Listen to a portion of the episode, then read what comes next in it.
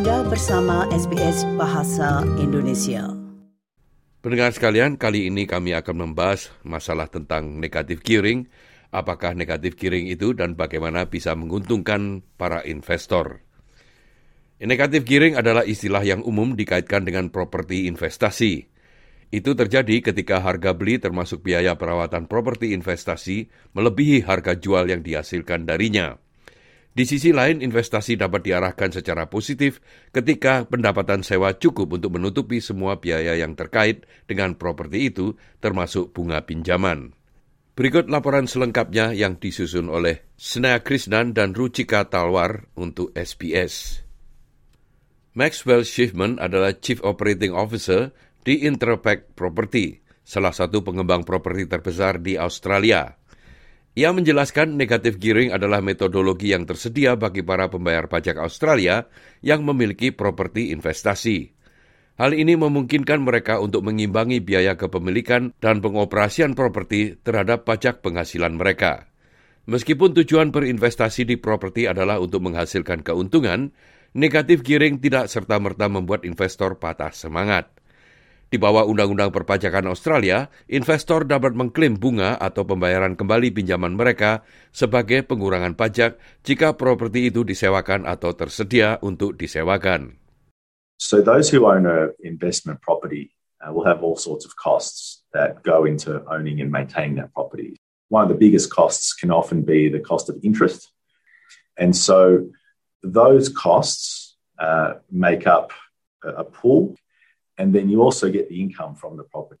And what you're able to do is then offset that uh, rental income against those costs that you've incurred. And if in fact the total costs are greater than uh, the amount that you've earned, uh, then you can actually use those additional costs to offset your normal income from you know, your work or any sort of other uh, income that you might have. Negatif gearing adalah sebuah praktik yang sangat umum di Australia dan seperti segala sesuatu yang berhubungan dengan investasi, ada pro dan kontranya. Saat ini pengaturan negatif gearing yang ada menjadikannya strategi pajak yang efektif bagi sebagian orang. Schiffman mengatakan bahwa negatif gearing lebih merupakan investasi atau penangguhan pajak daripada pengurangan pajak. Australia has a particular way of doing it, which isn't unique in the world, but there are some jurisdictions around the world where it's done a little bit differently. So, uh, probably where it differs uh, mostly from some for other places is sometimes around the world, uh, you can only offset the costs of owning and maintaining the property against the income that you get for that same property or for a pool of, of investments. And so it's a slight tweak. Ada beberapa argumen yang valid untuk mendukung negatif gearing. Yang pertama, ini dapat mengurangi biaya sewa dengan membiarkan tuan tanah mengurangi penghasilan pajak mereka. Yang kedua, dapat meningkatkan nilai perumahan, menarik pembeli yang tertarik pada properti yang mengarah negatif karena manfaat pajak yang tersedia. Stephen McKinberger adalah eksekutif grup layanan keuangan dan kepala komentator di Cansta, layanan perbandingan keuangan. Ia menjelaskan bagaimana negatif giring berdampak pada pasar perumahan sewa. The government allows negative gearing to encourage people to invest in property, specifically residential property, uh, to make sure that there is a, a, supply of property available to meet rental demand. Now, if the stock of property falls to an, an inadequate level to meet demand, rents go up, housing becomes un- unaffordable. And if the shortfall is severe enough or long standing enough, people can actually find themselves homeless. Negatif gearing telah menjadi topik kontroversial di kalangan politisi selama bertahun-tahun. Dalam pemilihan federal 2019, Bill Shorten dari Partai Buruh berjanji untuk membatasi manfaat pajak negatif gearing untuk properti investasi yang ada, meningkatkan kekhawatiran tentang ketidaksetaraan sosial.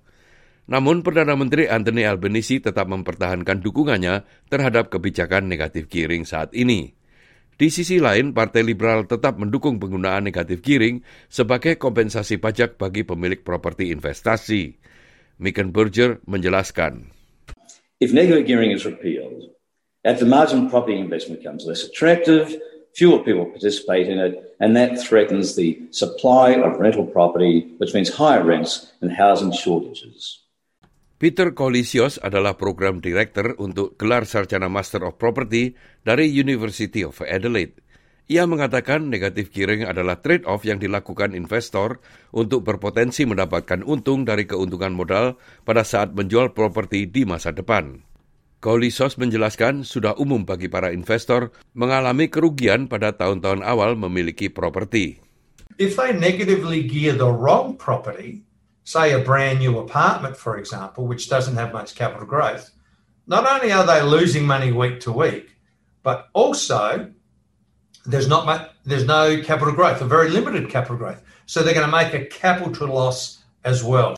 Um, and the other negative is its limit, limited serviceability. If the bank can see that this particular investment costs you $100 a week, it is very difficult to buy the next investment property or even your own home if you've got that sort of debt.